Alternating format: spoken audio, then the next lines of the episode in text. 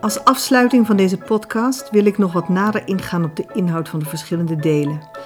En jullie vertellen over mijn zoektocht naar de Torahrol van Rodos. En we sluiten af met een geweldige compositie van Leonard Leutscher. Deel 1, het allereerste begin, is een compositie gebaseerd op Lo Goy. Een lied dat in de Joodse dienst wordt gezongen met een tekst van Jezaja. Laat er alsjeblieft vrede zijn. Gecomponeerd door Leonard Leutscher.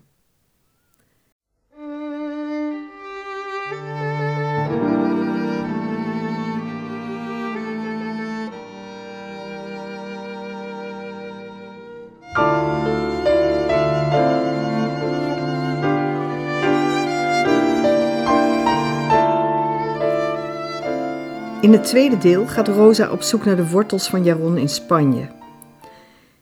Ik wist natuurlijk dat in het jaar waarin Columbus Amerika ontdekt en dat we allemaal kennen, 1492, dat dat jaar ook in de Joodse wereld heel belangrijk is. Joden moesten toen Spanje opeens verlaten en er woonden in die tijd heel veel Joden in Spanje. Het was het, het nieuwe Jeruzalem. Wisten jullie misschien ook dat pas recent Joden officieel weer welkom zijn in Spanje? Door een vergissing was de wet nooit aangepast. Typisch. Nou, ik heb van alles gelezen over hoe de Inquisitie te werk ging. Ik bedoel niet zozeer hun martelpraktijken, maar ik bedoel vooral de manier waarop ze die processen voerden. En die processen waren heel serieus en, en tegelijkertijd in onze ogen natuurlijk absurd. Je moet weten, de Inquisitie was een religieuze instantie die op zoek was naar ketters. Joden hadden ze eigenlijk niks mee te maken. Joden hadden een ander geloof. Joden vielen niet onder het gezag van de kerk. Dus zij hadden alleen wat te zeggen over Joden die zich tot het christendom hadden bekeerd. Of die zich zogenaamd tot het christendom hadden bekeerd. Die konden worden berecht, die konden worden vervolgd door de Inquisitie. En ook Joden die probeerden een christen of een, een Jood die tot christen was geworden, weer terug te bekeren naar het Jodendom die kon ook worden vervolgd. Tja, een wrange situatie. Nou ja, dit komt allemaal niet gedetailleerd in de voorstelling aan de orde, daar gaat het meer om de sfeer. En daarna werd het tijd dat ik me verdiepte in de geschiedenis van Rodos. Een eiland is natuurlijk een prachtig literair concept. Maar ik ontdekte bovendien dat, op dat Rodos eigenlijk een plek was waar de hele Europese geschiedenis zich in het klein had afgespeeld. In het boek beschrijf ik preciezer wat ik allemaal ontdekte op Rodos. Toen ik er uiteindelijk zelf heen ging, toen woonden daar nog maar zoiets als vijf Joden. Een belangrijk moment voor mij was toen ik in de synagoge, die helemaal niet meer gebruikt werd, vroeg of de Torahrol nog dezelfde was als die voor de oorlog. Dat was niet zo. Ik zal daar straks wat meer over vertellen. Wat in het verhaal gebeurt, is ook in werkelijkheid gebeurd. Het hele verhaal van de Turkse slag, de verwarring onder de Turken, de vriendschap tussen de christenen en de Joden, die later weer omsloeg de nadelen van de Joden, de slavernij, allemaal echt gebeurd. In deel 4 hebben jullie gehoord hoe de Joden uiteindelijk door de Turken uit de slavernij worden bevrijd. Ook dat is natuurlijk echt gebeurd.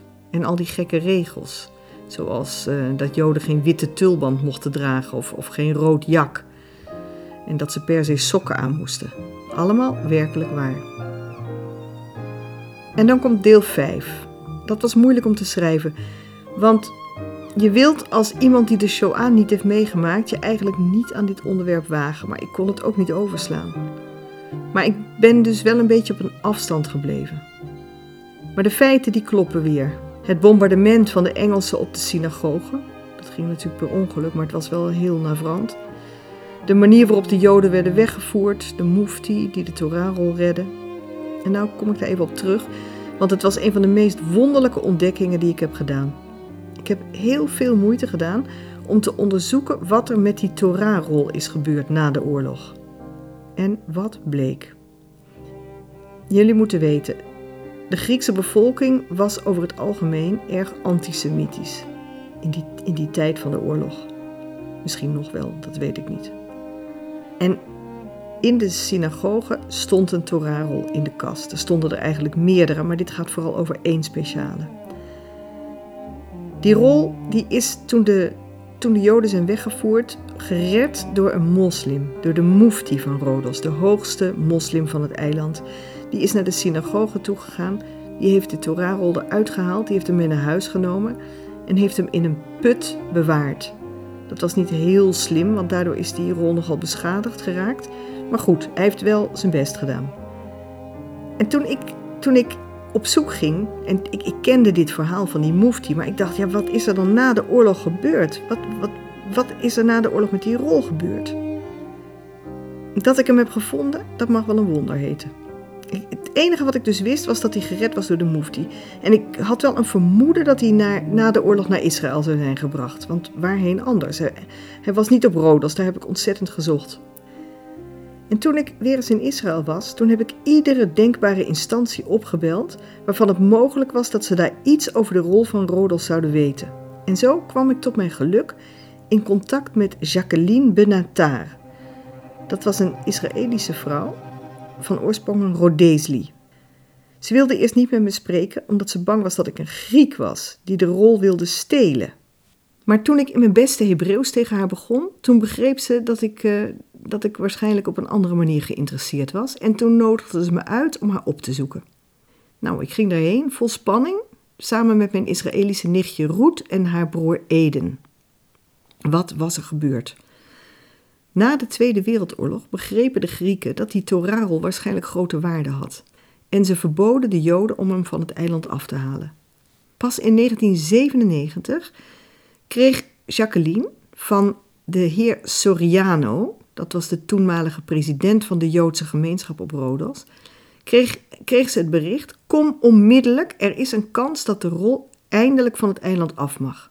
Jacqueline die werkte in die tijd in Jeruzalem voor Yad Vashem.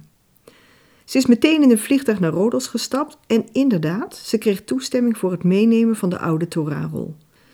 Op de markt kocht ze een grote koffer waar de Torah in zou passen. Ze, stopte de, ze, ze probeerde de Torahrol in de koffer te stoppen. En ze moest daarvoor de uiteinden van de klossen van die rol, die, die houten dingen aan het einde van zo'n, van zo'n rol, die moesten eraf halen omdat die koffer toch nog te klein bleek. Maar toen kwamen de Griekse autoriteiten naar haar, naar haar hotel om haar toch nog de Torah afhandig te maken. En ze keerde onverrichter zaken naar huis terug. Ze hebben nog twee jaar lang moeten touwtrekken. Er kwam een nieuwe president van de Joodse gemeenschap en die zocht Jacqueline in die twee jaar geregeld op in Israël. En in 1998, toen was zij op bezoek bij haar zuster in België, toen belde hij haar op. De rol zou nu echt vrijgegeven worden. En ook al was ze in België, ze vertrok opnieuw direct naar Rodos. En ja hoor, in diezelfde koffer waarin ze de rol twee jaar eerder had opgeborgen, kreeg ze hem werkelijk mee. Ze ging direct naar het vliegveld, stapte meteen in een vliegtuig naar Israël.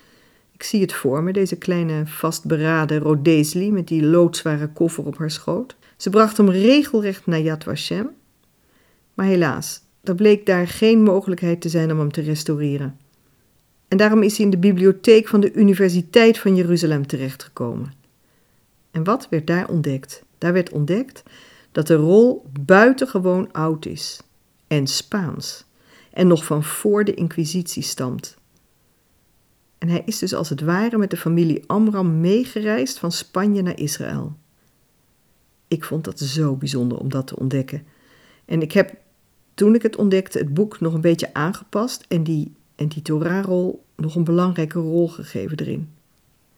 Een paar jaar geleden is hij trouwens voor het eerst te bezichtigen geweest op een tentoonstelling van zeer zeldzame voorwerpen. In augustus van 2006 bezocht ik Israël opnieuw en toen ben ik naar de Universiteit van, van Jeruzalem gegaan. Daar was Rivka Plesser, die werkte op die universiteit.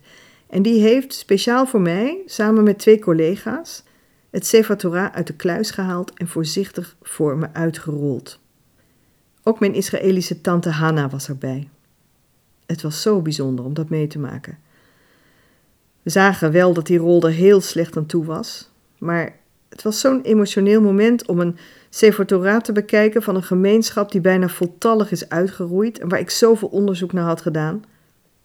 Een andere zeer oude rol die de oorlog heeft overleefd in de put van de Mufti is ook gered en is terechtgekomen in Zuid-Amerika. Maar die heb ik nooit gezien. En er waren nog een paar rollen, maar die waren te zeer beschadigd door het vocht om nog gerestaureerd te kunnen worden.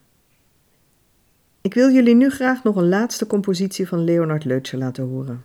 Het is het derde deel van zijn trio en het is gebaseerd op het vrolijke deuntje Alle Brieder. De tekst zegt: We zijn allemaal broeders en zusters van elkaar. Eerst hoor je eventjes hoe het deuntje is. Een liedje dat vaak op feesten en partijen wordt gespeeld door klezmerbandjes.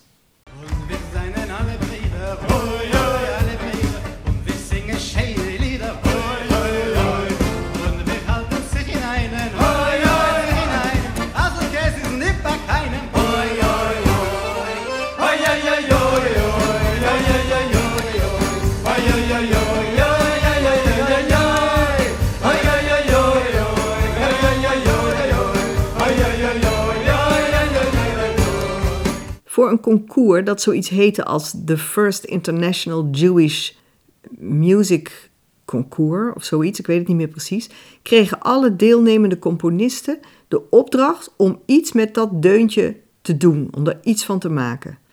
Nou, Leonard zat even met zijn handen in het haar. Hij zei: Het is zo'n eenvoudig hoempa-hoempa muziekje.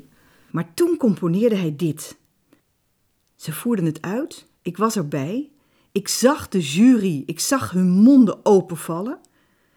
En het Orion Ensemble won de Alebriderprijs van het concours.